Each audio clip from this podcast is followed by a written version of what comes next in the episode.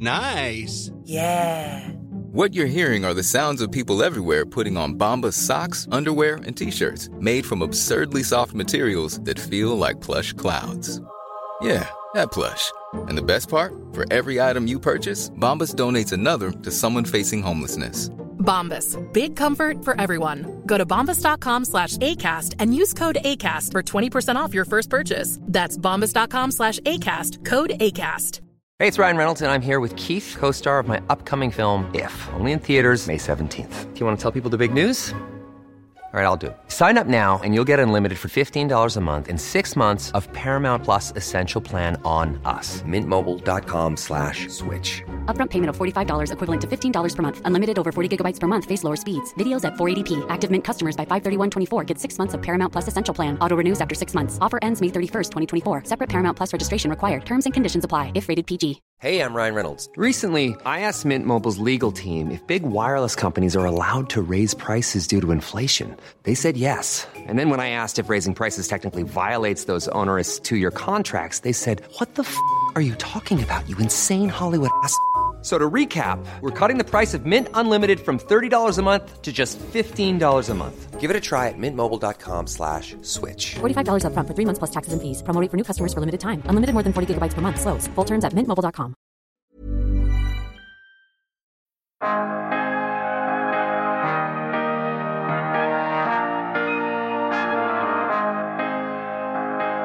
Men det är bara en liten en del av vikten vi lägger vid kultur. Att vi ser varje människa, att eh, man trivs och känner att man faktiskt bidrar. Att den vinsten eller eh, success vi gör i Australien är, en, är en, en, någonting vi kan fira allihopa för att vi står alla bakom det. Så att alla bidrar till vår framgång helt enkelt.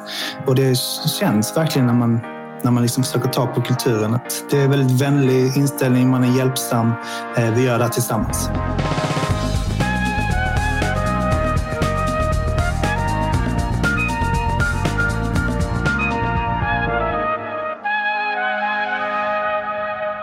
Hej Johan Billgren och välkommen till podden Allt du behöver veta om ny teknik. Hej Per, tack så mycket. Superkul att vara här. Ja, det är kul att ha dig med för vi är väldigt intresserade av att veta vad som händer på Acast och du är ju CTO och grundare av poddplattformen Acast.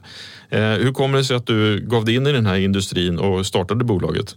Eh, jag är inte ensam grundare, utan vi var, eh, det var mina två medgrundare som faktiskt såg potentialen i mediet podcast back in the days. Eh, det var 2013. De var väldigt klarsynta och sa att det här är ju ett, det är ett massmedie vi har att göra med podcast som låg helt under radarn och var egentligen ett amatörmassmedium. Så det, det saknades intäktsmodell, det var väldigt få som blev stora, och, eh, eh men det var samtidigt väldigt många som lyssnade.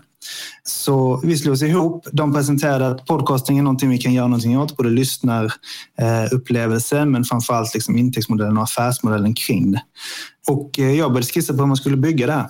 En plattform som kopplar kreatörer, lyssnare och annonsörer på ett skalbart sätt.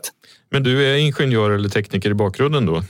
Exakt. Eh, så eh, produktutveckling är väl egentligen min, min, eh, min master. Och jag, innan Acast så jobbade jag lite som managementkonsult fast med rätt hands-on inom IT-projekt. Det blev för tråkigt för mig. Det var inte tillräckligt kreativt. Så jag sökte mig vidare. Det var då jag träffade en av mina medgrundare och så körde vi igång det här. Jag var uppe på ert kontor för ja, det är knappt två år sedan när vi skulle starta den här podden och då möttes man i entrén av ett, ett gäng hundar. Och tydligen är det en väldigt djurvänlig arbetsplats. Är, är, liksom, hur viktigt är sånt här, eller hur kännetecknar det här egentligen er företagskultur då? Ja, alltså vi, är, vi är hundvänliga, absolut. Men det är bara en liten eh, del av vikten vi lägger vid kultur. Att vi ser varje människa, att eh, man trivs och känner att man faktiskt bidrar. Att den vinsten eller eh, success vi gör i Australien är, en, är en, en, någonting vi kan fira allihopa för att vi står alla bakom det. Så att alla bidrar till vår framgång helt enkelt. Ja. Och det känns verkligen när man, när man liksom försöker ta på kulturen att det är en väldigt vänlig inställning, man är hjälpsam, eh, vi gör det här tillsammans. Men hur har den här kulturen då kunnat eh, förflytta sig från det hundvänliga kontoret till de, till hemmen nu när ni sitter hemma så mycket? Ja, det var en omställning helt klart. Och därför man var lite kreativ. Och, och vi hade en digital eh, konferens till exempel för att liksom ersätta det vi inte längre kunde göra. Och vi har olika initiativ som vi kallar Playcast till exempel, där vi har eh, digitala AVs och så vidare. Och sen så får man sätta upp lite nya kontaktytor digitalt helt enkelt för att ersätta de där mikrointeraktionerna som sker på kontoret. Och det har lyckats väldigt bra. Vi, vi eh, lyckades ta oss ur, såklart hela världen slogs ju eh, tillbaka där i, i april-mars förra året. Vi ställde om väldigt snabbt och eh, fann oss i den nya situationen och lyckades stå starka när året väl var slut. Ja, precis. För poddlyssningen har ju faktiskt bara fortsatt uppåt. Den har ju inte påverkats av, av pandemin, tvärtom snarare. Exakt, så lyssnandet har absolut gått upp och skapandet har verkligen gått upp. Folk som sitter hemma har extra tid på händerna. Eh, det är ganska lätt att komma igång, så det, det har varit en explosion av, av innehåll också.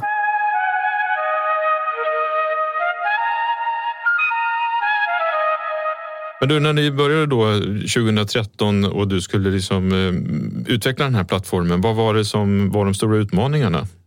Den största utmaningen var väl att eh, för det första så föddes vi med ett globalt tänk.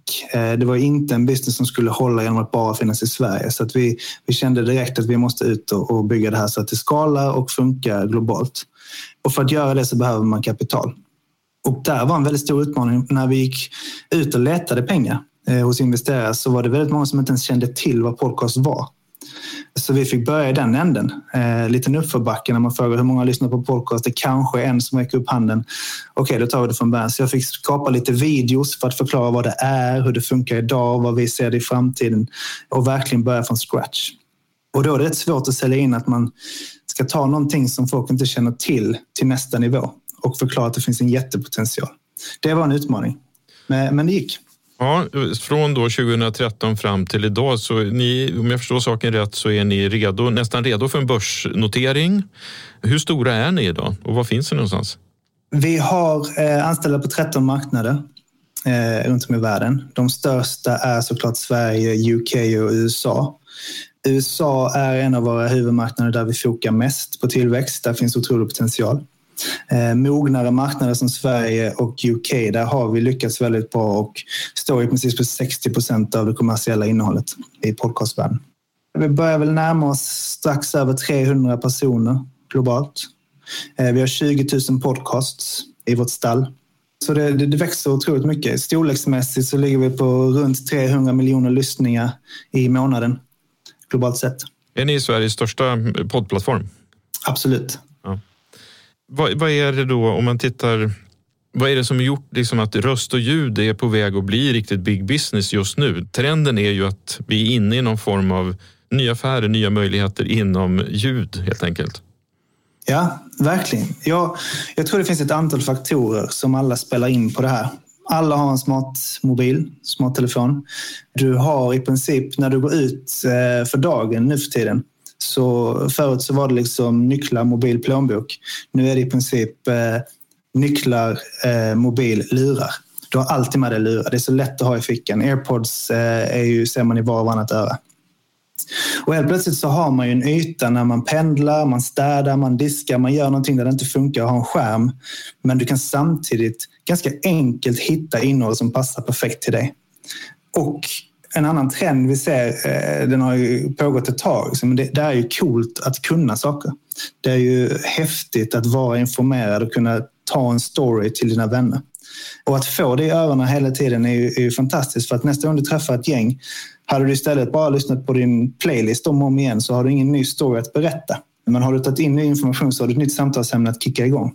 Och allt det här spelar ju in i att folk söker nytt content att konsumera när man inte vill ha en skärm. Sen så tror jag också generellt att vi är rätt trötta på skärmen. Folk som sitter och scrollar hela tiden, jag vet att jag gör det också. Jag vill egentligen inte göra det, men det har bara skapats ett beteende. Skärmfritt är ju någonting många strävar efter. Mm. Vi har ju också sett hur nya typer av sociala ljudappar har dykt upp. Inte minst den här hypade Clubhouse som har fått stor uppmärksamhet den senaste tiden. Ett talande LinkedIn säger en del. Ett brusande Almedalen. I, i eller vad, vad, är din syn på Clubhouse? Ja, alltså det är ju, de har verkligen lyckats med att skapa en sorts eh, innekänsla, att det är lite fräckt att få vara med. Eh, det har man, om man kollar på, på eh, framförallt de tidiga användarnas beskrivningar så är det nästan så att de skriver ut hur mycket de tjänar eh, varje år. Så det är liksom, kolla på mig, jag är cool. Men, men formatet är ju väldigt positivt för oss. Det innebär ju att vi gör rätt sak. Folk är redo att lägga mer tid på, på ljud.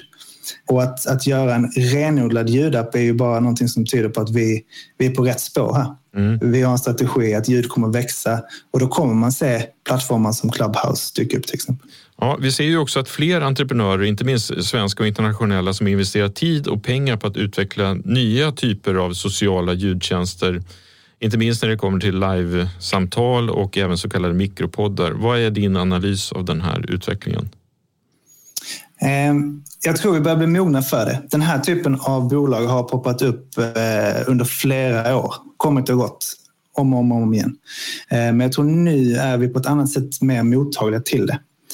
Jag ser det som en positiv grej att gemene man lägger in en vana att konsumera ljud, mer och mer ljud. Ibland vill man ha något lättsmält, snabba, korta klipp, bara precis som när man sitter och scrollar på Instagram till exempel. Och ibland vill man ha något mer djup, djuplodat som, som går in i ens egna intressen. Motsvarande en dokumentär på Netflix, fast du får det örat. Mm. Om vi tittar då på poddarnas ekosystem, hur, hur, funkar det här och vilken position har Acast i det här systemet? Man kan börja med att säga att podcast är ett missförstått medium när det kommer till vilken aktör som gör vad.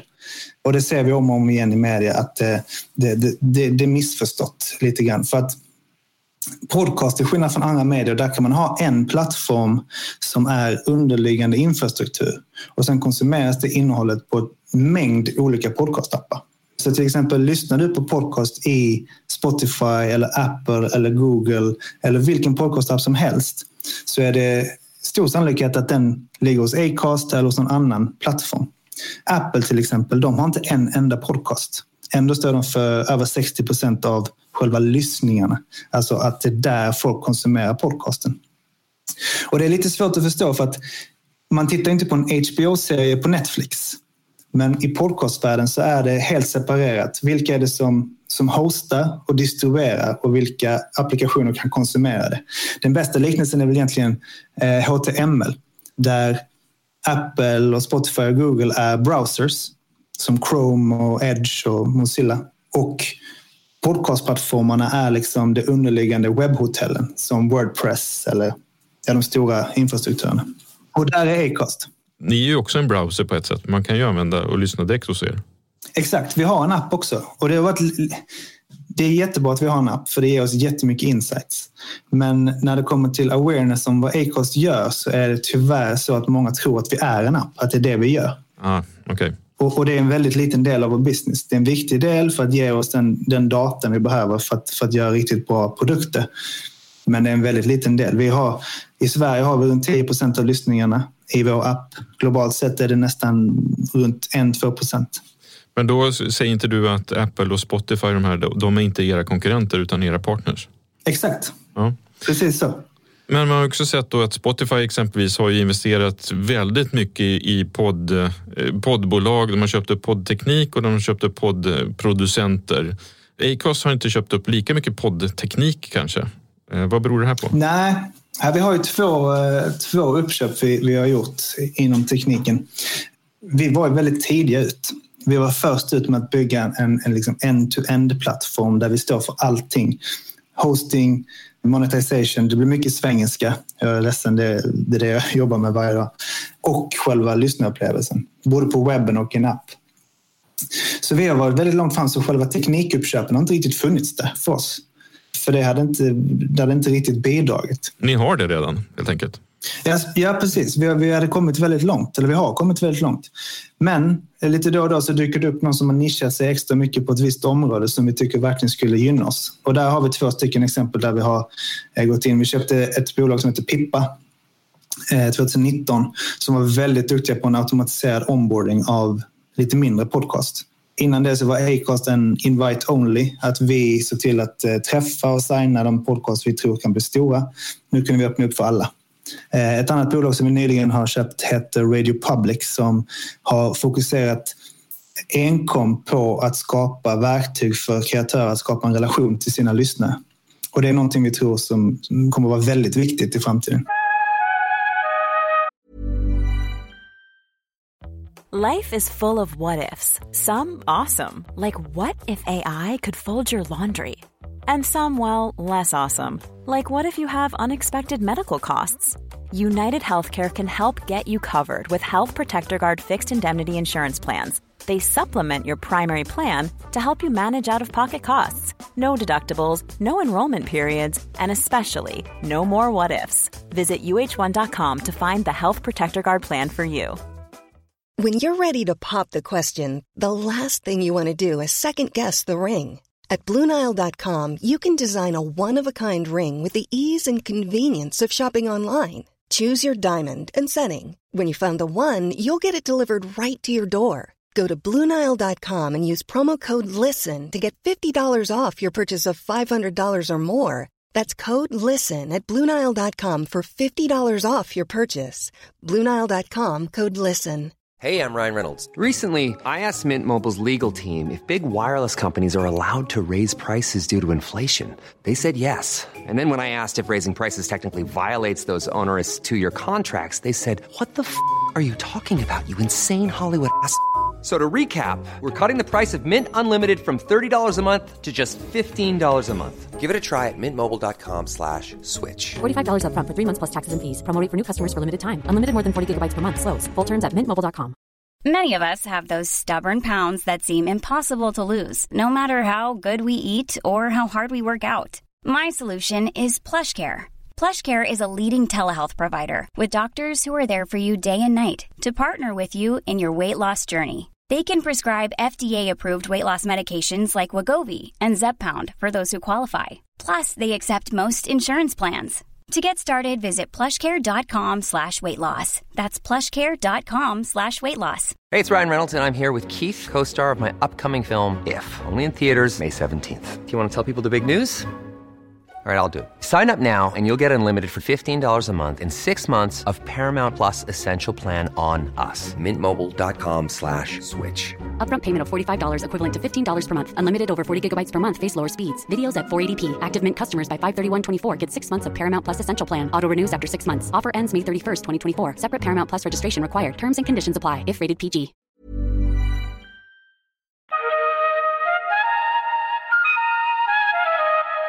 Du sa ju att ni skissade på Acast 2013 och drog igång 2013 då.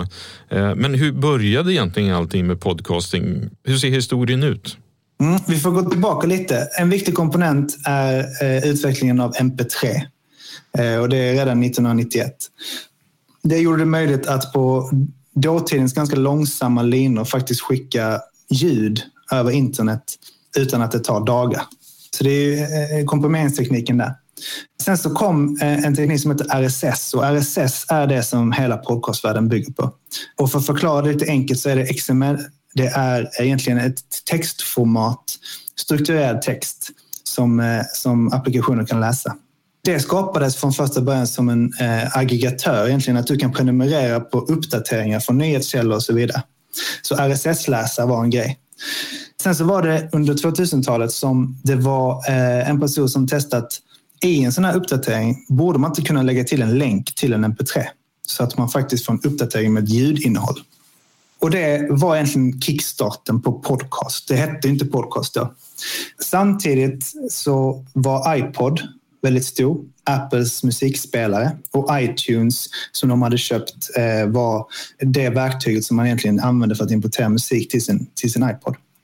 Och 2003 så var det en gammal eh, MTV videojockey faktiskt som hette Adam Curry som också var väldigt tekniskt intresserad som skrev ett litet skript, supersimpelt skript som hette RSS to iPod. Och det var väl egentligen den första podcast-applikationen som byggdes. Eh, så då kunde man säga den här RSS som har de här länkarna till ljud i sina uppdateringar. Tryck det in i min iPod så jag kan lyssna på den när jag går hemifrån. Så det var väl den första podcasten kan man säga. Och han skapade också en, en podcast som handlade egentligen om podcasting. Så, så det var för utvecklare att utveckla formatet i princip. Sen 2004, det var första gången som ordet podcast sattes. Det var en, eh, en journalist i The Guardian som, som nämnde det för första gången och, och myntade det. Och det då bygger ju på det här iPod och broadcast helt enkelt. 2005 så skapade faktiskt iTunes sitt support för podcasting. Så podcasten kom in i iTunes 2005. Och då var det ju väldigt många fler som kunde använda det. Det var inte jättemånga som ville köra det här hemskrivna skriptet, RSS to iPod. Utan iTunes faktiskt implementerade stöd för podcast. September det året, 2005, då hade podcast verkligen växt. Så att om man sökte på Google så fick man 100 miljoner träffar redan då. Och senare det året så blev det faktiskt Word of the Year i Oxford American Dictionary. Men på den tiden, då, 2005, 2004, då var podcasting väldigt nischat. Det var nästan av nördar för nördar. Det var väldigt homogen målgrupp. Och det fortsatte vara så ganska så länge tills det började komma in lite profiler som var populära i andra medier som också testade podcast. Men den riktiga boomen kom 2014 när det var en podcast som hette Serial i USA som är liksom, kanske man kan säga den första riktiga true crime som slog stort. Och den blev så pass stor att säsongsavslutningen där hade fler lyssnare än vad det var som tittade på Game of Thrones. Och det var ju liksom verkligen Game of Thrones-hysteri ja, i världen. Då. Eh, så då förstår man lite hur stort det var. Och det kickade igång the golden age of radio som, som snackades om då. Och den här riktiga boomen av ljud. Och det var väldigt vältajmat för oss, för då hade vi hållit på ungefär ett år, så det var perfekt att liksom vara redo att direkt haka på den trenden. Men hade du lyssnat på poddar före, mycket före du var med och startade Acast? Eh, mycket ska jag inte säga. Jag, jag fastnade lite i ett spår att lyssna på en podcast som fortfarande kör faktiskt. Filip och Fredrik eh, var min första podcast och det var den min go-to-podcast för jag hittade inte riktigt något annat. Och jag nöjde mig med det ett bra tag tills jag liksom upptäckte att det finns ju väldigt nischade podcasts som ger mig väldigt mycket och då, då började lyssnandet verkligen ta fart för mig. Men vad, vad är det som du känner? Filip och Fredrik är väl fortfarande en av Sveriges största poddar. Vad är det som kännetecknar poddar som drar mycket lyssning idag? Ja, bra, bra fråga. Det är väl när man skapar en podcast så kan man gå lite nischat eller så kan man gå brett. Och så är det väl med all form av, av, av media.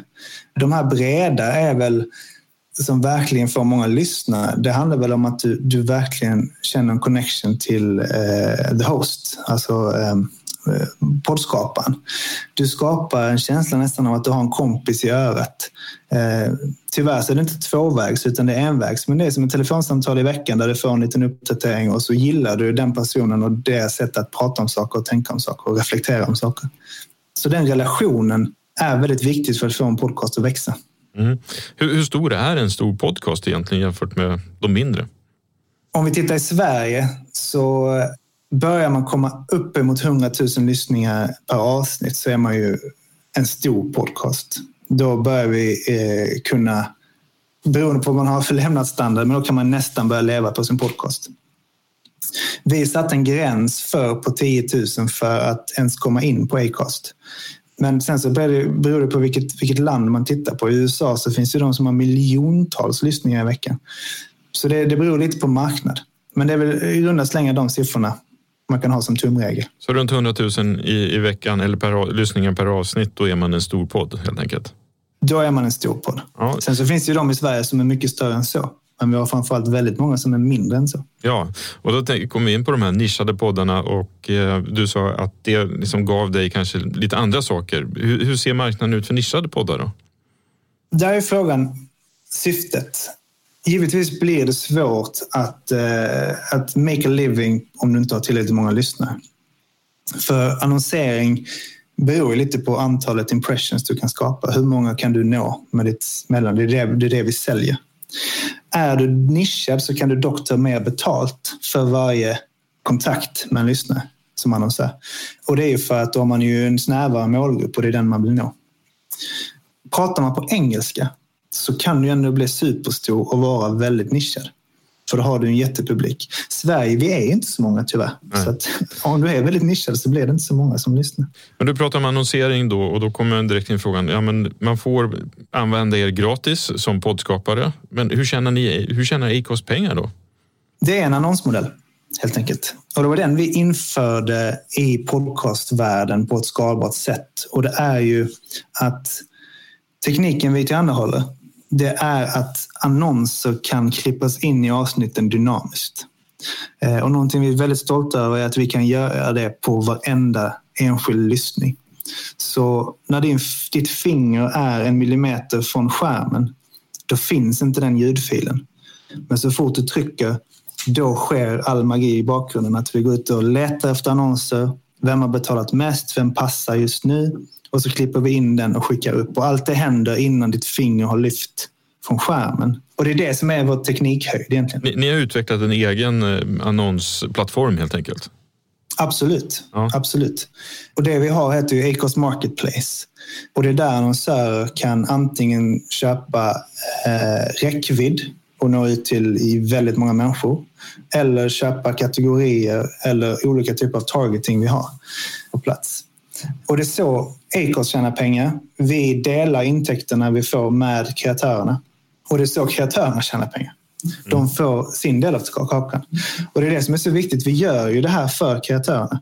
För att skapa ett ekosystem som kan göra att människor får betalt för sitt innehåll.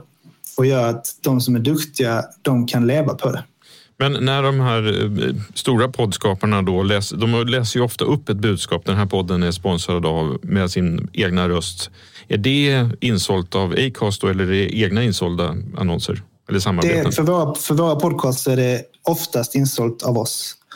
Och det är också planerat, eh, placerat dynamiskt. Ah, det är också dynamiskt? Ja.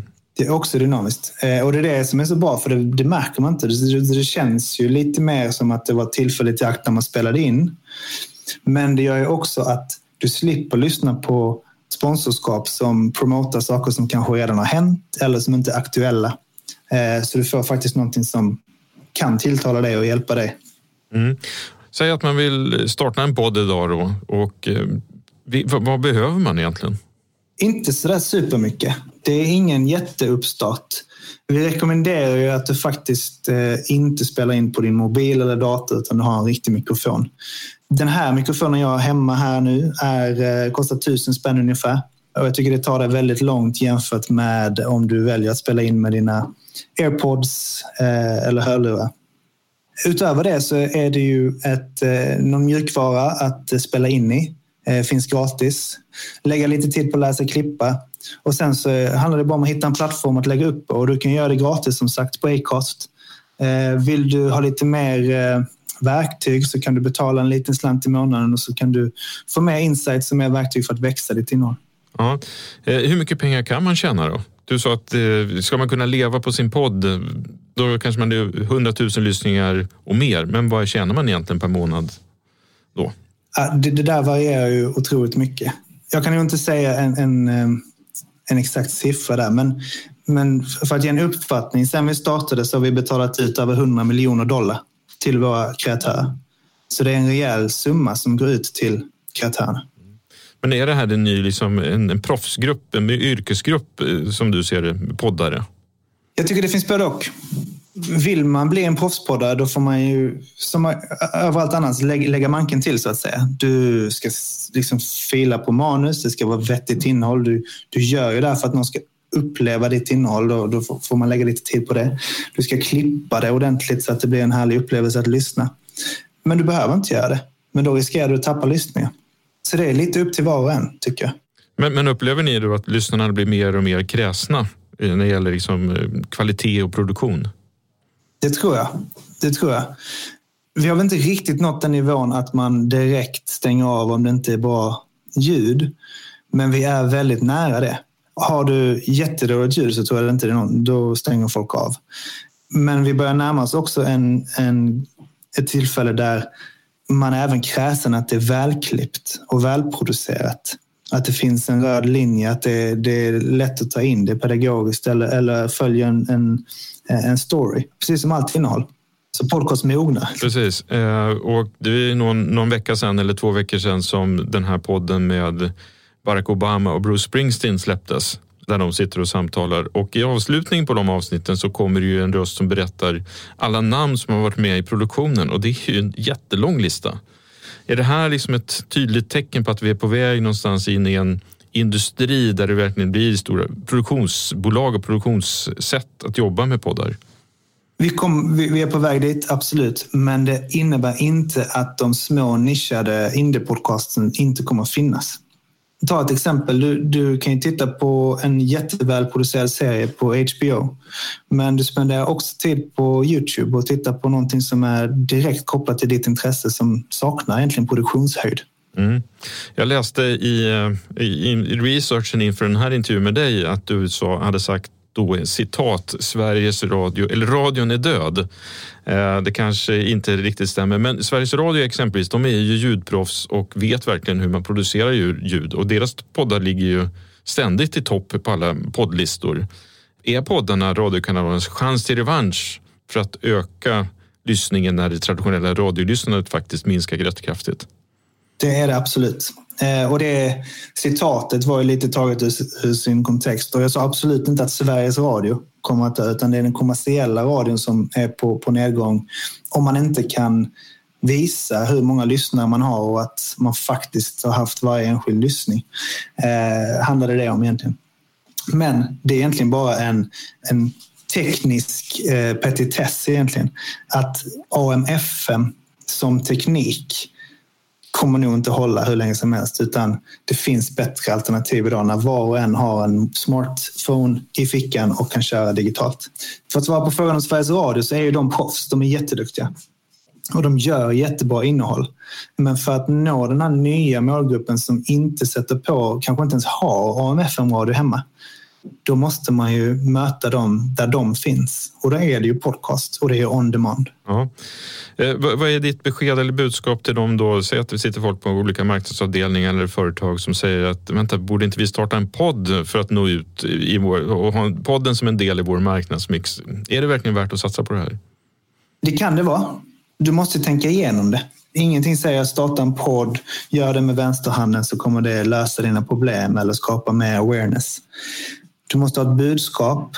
Skapar du den på rätt sätt så är det ett fantastiskt medium att nå potentiella arbetstagare, potentiella kunder och så vidare och gå på djupet i det du som tror på som bolag. Men igen, du måste tänka igen. Precis som allt annat. Du kan inte skapa en Instagram-kampanj bara för att man ska vara på Instagram. Du måste ha en plan och en tanke bakom det.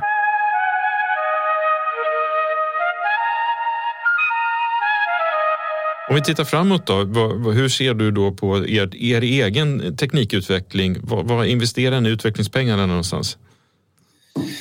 På en rad olika områden faktiskt. Vi ser ju att trenden generellt sett i världen går mot att eh, user privacy blir någonting som är högre värderat av användare. Google kommer att ta bort stöd för tredjeparts cookies till exempel. Eh, GDPR är ett exempel, CCPA i Kalifornien. Och allt det här gör att den traditionella marknadstekniken eller adtech i världen som handlar om att liksom spåra upp och förstå vilken användare det är och vilken typ av användare, audience segmentation och så vidare. Det kommer bli eh, begränsat. Men vad innebär det för er annonsplattform då? Så det, det är där vi eh, fokuserar väldigt mycket på att förstå innehållet maskinellt. Så vi, vi transkriberar innehållet vi analyserar det med någonting som kallas eh, natural language processing, vilket är machine learning för att ta fram vad är det för eh, kategorier de pratar om? Vad är det för keywords de pratar om? Är det positivt eller negativt? Eller vad finns det för andra sentiment kring det som pratas? Så det är en, en, en variant av väldigt sofistikerad context targeting eller conversational targeting. Så att om du och jag skulle prata om eh, det positiva att skaffa bil eller något liknande så kan man direkt gå ut till, till annonsörer och säga här är någon som pratar positivt om att skaffa bil. Vill du lägga din annons nära detta innehållet? För då vet vi att då är det redan någon som har hört någon man litar på prata om det och då kan man lägga sin annons nära det också. Utan att på något sätt veta vem det är som lyssnar, för det ska inte spela någon roll. Är det kvinna, man, ålder? Mm.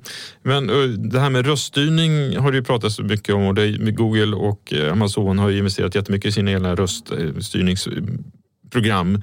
Eh, hur kommer det komma in i poddvärlden tror du? Igen så tror jag man kan ta nytta av, av, den tekniken vi utvecklar nu där man förstår innehållet för att plocka ut bitar som handlar om just det man, man som användare frågar efter. Till en smart speaker till exempel. Sen så tror jag också att en smart speaker gör att man får in en vana av att sätta igång den med rösten, fråga efter content med rösten. Och så småningom kommer det finnas en vana att man förväntar sig att det, det man får tillbaka matchar det man har frågat efter. Mm. Jag tycker tyvärr vi, vi är en bit ifrån. Det finns en del av ön, att önska av de här smarta assistenterna. Men det finns ju ingen tvekan om att vi kommer komma dit. Men hur, hur, ser du på eh, utvecklingen då eh, så att man kan börja söka efter poddinnehåll? man kan söka efter musik, man kan söka efter text, men det är väldigt svårt att hitta, om man gör en snabbsök och hitta poddar som pratar om ett ämne som man kanske vill lyssna på. Mm. Och det, det, kommer absolut hända. Det finns bolag som gör det, som enkom gör detta. Men de, de har inte tillräckligt med finansiella muskler för att marknadsföra det utåt. Små smart startups som gör det där. Vi latchar med det lite eftersom vi har den här datan redan, eftersom vi transkriberar innehåll. Så, så det absolut kommer det vara att du kan söka och komma direkt in i en podcast du kanske aldrig har talas om, men de pratar om det ämnet du är intresserad av. Mm. Om du fick välja ut eh, två stycken viktiga teknikhändelser som du skulle vilja se eller teknikutvecklingsdelar som du skulle vilja se inom två år inom poddvärlden, vad skulle det vara? Som faller på plats helt enkelt. Eh, en förståelse från alla aktörer att vi gemensamt måste ta podcast till nästa nivå. Och då snackar jag om en, en förflyttning framåt för hela industrin där vi enas om nästa nivå av RSS-teknik. Det handlar om att varje enskild app som finns där ute måste lämna med sig lite mer av vad som händer i appen. Till exempel att du har lyssnat eller hur långt du har lyssnat. Nu får vi, nu får vi reverse engineera det. Det kan vi göra på ett väldigt bra sätt. Men vi måste samarbeta hela podcastindustrin där. Men när du säger nästa nivå av RSS-tekniken, vad syftar du på då? Tekniskt sett så är det inte något superlyft, men det handlar om att utveckla formatet och det kallas namespaces. Man lägger till mer data i RSS som alla appar då supportar. iTunes gjorde det i början, la till sina egna tags men det finns mycket mer att önska att lägga till. Och det handlar om att vi bara enas om vad är det vi faktiskt vill lägga till. Både hostingplattformen och applikationerna som, som läser RSS. Ja, vi börjar närma oss slutet. Jag tänkte att vi skulle avsluta med att du skulle ge oss dina tre favoritpoddar. Tre poddtips helt enkelt. Tre poddtips. Jag tycker eh, det är väldigt lik titel på denna, men Allt du velat veta mm. Eh, tycker jag är en härlig podcast det är inte en podcast som man måste liksom lyssna på varje vecka, men det dyker upp väldigt många intressanta ämnen så du kan gå tillbaka i katalogen. Eh, sen så finns det en podcast som heter Dumma människor. Jag tycker den är jättehärlig. En psykolog som går igenom varför beter vi oss så knasigt allihopa, för det gör vi. Alla gör det. Någon som eh, jag tycker görs jättebra är USA-podden av Sveriges Radio. Nu är ju valet slut, men eh, upptakten till det så var det fantastiskt att ha dem i örat och och få den informationen. Ja, men jag håller med om det. Stort tack Johan för att du kom till den här podden då och berättade. Tack ska du ha. Ja, tackar.